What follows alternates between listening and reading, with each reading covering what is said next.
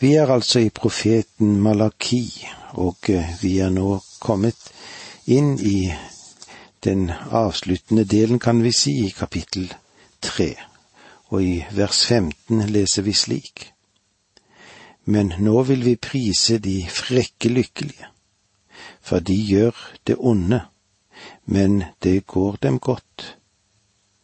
De frister Gud og slipper likevel unna. Det virket som om de kunne friste Gud og komme unna med det. Men som Havakuk oppdaget i sin samtid, så beveget Gud seg i nasjonenes liv, og han vil dømme det. Og jeg er av den oppfatning at om vi i dag kunne se bak sceneteppet og se Guds hjul dreie seg, vil vi rope til Gud om miskunnhet. Han er i bevegelse. Han er i aktivitet. Men det synes som om vi ikke vil erkjenne det. Vers 16 De som frykter Herren talte da sammen, og Herren lyttet og hørte hva de sa. Hos ham ble det skrevet en minnebok om dem som frykter Herren og ærer Hans navn. De som frykter Herren, talte sammen. Med andre ord så var det en liten rest som elsket Gud, som møttes. Og de fryktet Herren. De talte med hverandre. Ja, de hadde et virkelig godt fellesskap, kan vi få ut av dette. Og Herren lyttet og hørte hva de sa. Hos ham ble det skrevet en minnebok om dem som frykter Herren og ærer Hans navn. Denne ideen løper gjennom hele Skriften at Gud noterer i bøker. Jeg tror ikke det er en bok der oppe som han skriver i. Nei, for Gud, han glemmer aldri. Og han trenger ingen bøker. Han trenger ikke engang en PC eller computer, han. Dette med at bøker ble skrevet nevnes også i åpenbaringsboken. Og eh, hvis vi ser inn i åpenbaringsboken kapittel tre, så ser vi det er et spørsmål om å stryke et navn. I versene fire og fem i kapittelet her i åpenbaringsboken kan vi lese det slik.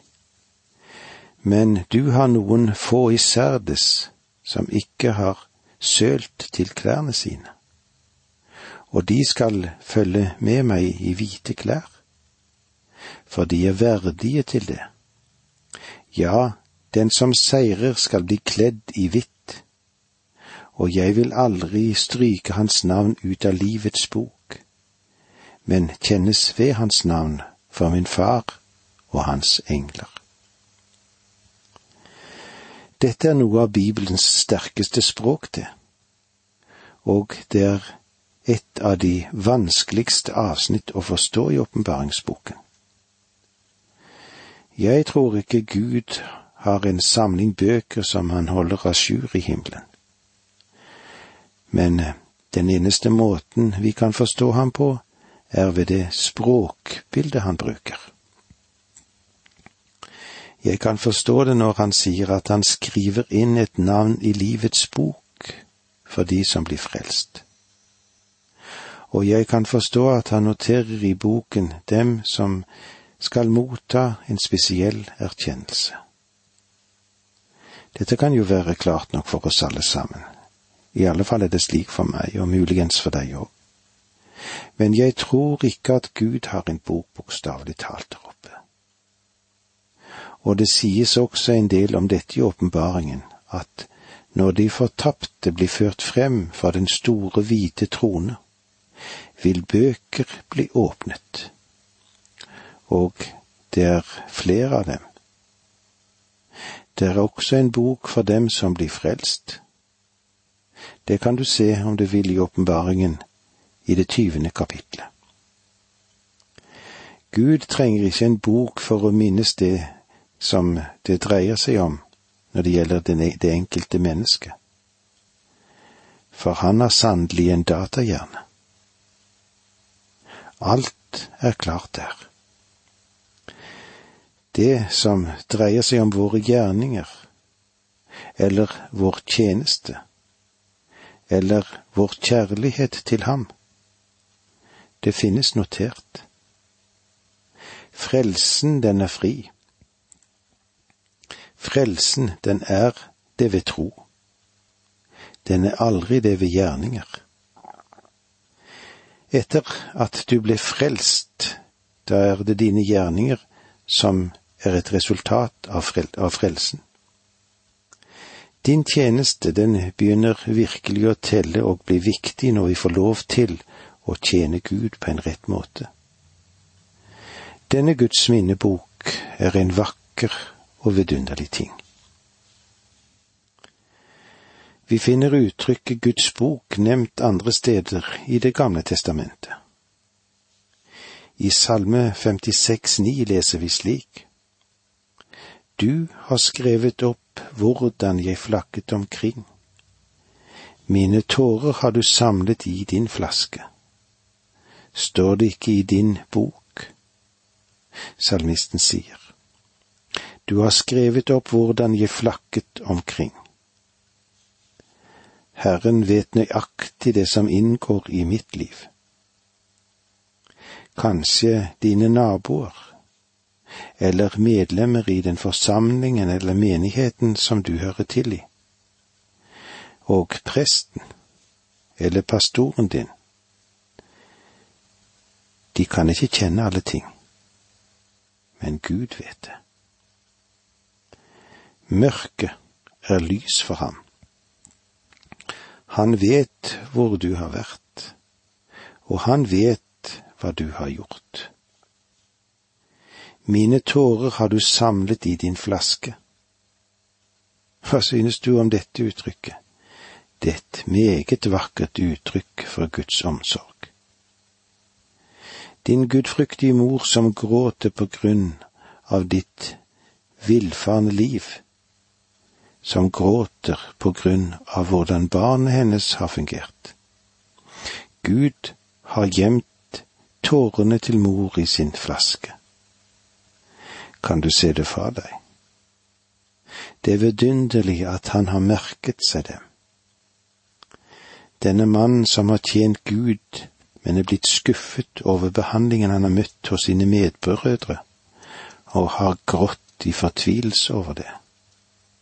Til han sier Gud, Jeg har samlet dine tårer i min flaske. Og til slutt så sier salmisten, Står det ikke i din bok? Det er en bok der vårt liv er nedtegnet. Eller kanskje noen tenker på det som en film som ble tatt opp, og som en dag skal kjøres. Her er ingenting klippet bort. Her er det ingen sensur. Her kjøres alt. Jeg vet ikke hvordan du har det,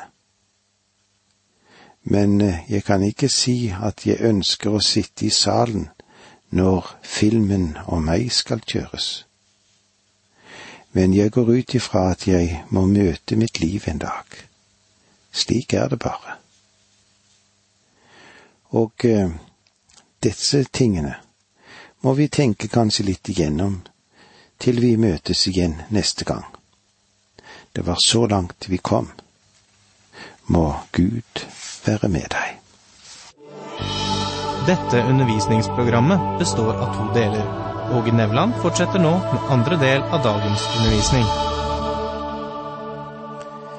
Vi er i profeten Malaki. Vi er nå kommet til den siste delen av kapittel tre. Det er et viktig kapittel vi har vært innom. Herrens dag kommer med frelse for de gudfryktige, det vi kan vel òg sette som et overskrift over dette kapitlet. Og i det syttende verset står det slik:" Den dagen jeg gjør mitt verk, sier Herren allers Gud, skal de være min eiendom, og jeg vil være mild mot dem, like som en mann er mild mot sin sønn som tjener ham. Er ikke dette vak en vakker måte å uttrykke det hele på? Herren skal samle sine juveler, og menigheten skal være der. Menigheten er den perle for hvem han solgte alt. Israel har aldri verdsatt perle svært høyt, men hedningefolket, de har alltid gjort det. Så den kostbare perle er hans menighet, vunnet ved hans dyrebare blod. Gud skal samle sine juveler, og det vil bli mange av dem. Og jeg vil være mild mot dem, like som en mann er mild mot sin sønn som tjener ham. Dette taler om den rest av troende som vil, finne, vil finnes ved denne tiden. Vers 18 Da skal dere igjen se forskjell på rettferdige og ugudelige, på dem som dyrker Gud, og dem som ikke dyrker ham. Vi lever vel i en tid som er temmelig lik den som Malaki opplevde, og har i seg elementer som vil være fremherskende ved tidens ende. Det er vanskelig å skille rettferdig og ugudelige. Men på den dag, da har Gud utpekt at noe vil skje. Den dagen da han feller sin dom, da vil det bli klart hvem som er de sanne troende, og hvem som bare hadde formen, men fornektet troens kraft. Og det var så langt vi hadde med oss i kapittel tre. Når vi nå går inn i kapittel fire, så vil vi se profeti om Herrens dag og om rettferdighetens sol. I den hebraiske bibel er det ikke kapittel fire i Malaki sin bok. Dette fjerde kapitlet er bare slutten på kapittel tre. Mens det i vår bibel så blir de utskilt, de seks korte versene, som et eget kapittel. I kapittel fire møter vi profetien om Herrens dag og rettferdighetens sol som skal gå opp og det første verset er en levende beskrivelse av den store trengsel. Og vi leser slik i det første verset her i kapittel fire. Se, dagen kommer. Den brenner som en ovn. Alle frekke og ugudelige skal da være som halm. Og dagen som kommer, skal brenne dem opp, sier Herren allers Gud så verken rot eller gren blir igjen. Se, dagen kommer. Dette er Herrens dag. Den brenner som en ovn. Alle frekke og ugudelige skal da være som halm. Med andre ord vil de bli fortæret. I åpenbaringsboken leser vi at i et sveip ble de ble en fjerdedel av verdens befolkning utslettet. Og det ser vi i det sjette kapittel åttende verset i åpenbaringsboken. Da så jeg en gulblek hest. Rytterens navn var Døden, og dødsriket var i hans følge. De fikk makt over fjerdedelen av jorden, så de kunne drepe med sverd hungersnød og pest, og ved hjelp av jordens villdyr. Og dagen som kommer skal brenne dem opp, sier Herren allers Gud, så verken rot eller gren blir igjen. Dette har ikke noe å gjøre med læren at døden er slutt for de ufrelste at død for de ufrelste er utslettelse. Bibelen lærer oss ikke det. Bibelen lærer at legemet går i graven enten du er tapt eller frelst. Din sjel og ånd, de går inn i evigheten. Enten himmel eller helvete. Dette verset forteller oss at de ufrelste vil bli dømt under den store trengselsperioden og fjernet fra jordens overflate. Og i vers to her i det fjerde kapittel leser vi slik. Men for dere som frykter mitt navn, skal rettferd sol renne med legedom under sine vinger. Dere skal gå ut og springe som kalver når de slipper av fjøset. Rettferdighetens sol i Det gamle testamentet er den samme som er morgenstjerne i Det nye testamentet. Men Kristus blir aldri kalt rettferdighetens sol i Det nye testamentet. Han blir aldri kalt morgenstjernen i Det gamle testamentet. Om en liten stund skal vi se litt nærmere på hva som finnes i dette verset. Og vi vil òg finne årsaken til dette. I vers tre Da skal dere tråkke de ugudelige ned. De skal være som støv under sålene deres den dagen jeg gjør mitt verk, sier Herren allers Gud. Når Han kommer til jord for å opprette sitt rike, vil ondskapen måtte bøye seg. Han vil bryte dem i stykker som en leirkrukke. Det er det som er Bibelens språk. Og jeg beklager sterkt om ikke du liker dette. Da skal dere tråkke de ugudelige ned. De skal være som støv under sålene deres den dagen jeg gjør mitt verk, sier Herren allers Gud. I vers fire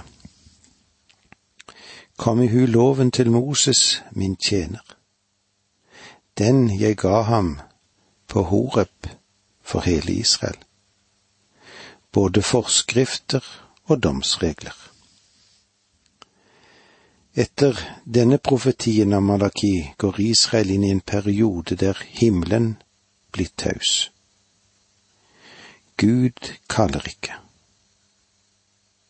Det skal fremstå en annen Zakaria 400 år senere. Han skal tjene i tempelet, mens engelen Gabriel åpenbarer seg for ham og forkynner døperen Johannes sin fødsel. Dette kan du se i Lukas 1, 5-25. Da vil 400 års taushet bli brutt. I mellomtiden skal Israel huske Moseloven. Den vil være deres liv. Den skal være Guds ord for dem. De var under Moselovens system. Se, jeg sender profeten Elia til dere før Herrens dag kommer, den store og skremmende, står det i det femte verset i dette kapitlet.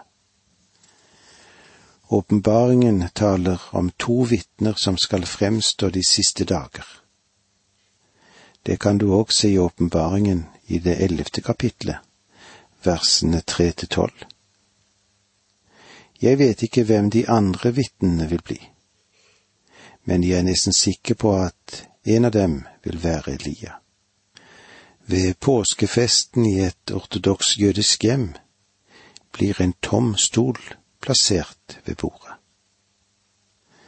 Den er for Elia som skal komme. Da Johannes døperen sto frem, trodde jødene at det var Elia. Men døperen Johannes, han var ikke Elia i den mening av ordet. Skriften sier at han kunne ha vært det, men han var det ikke. Og det er det som er det viktige. Om Kristus hadde opprettet sitt rike, da ville Johannes vært Elia. Hvordan kan nå det ha seg, da? Det vet jeg ikke, for det hendte ikke slik. Og med det så blir jo dette et hypotetisk, hypotetisk spørsmål som vi ikke kan få noe virkelig svar på. Se, jeg sender profeten Elia til dere før Herrens dag kommer, den store og skremmende.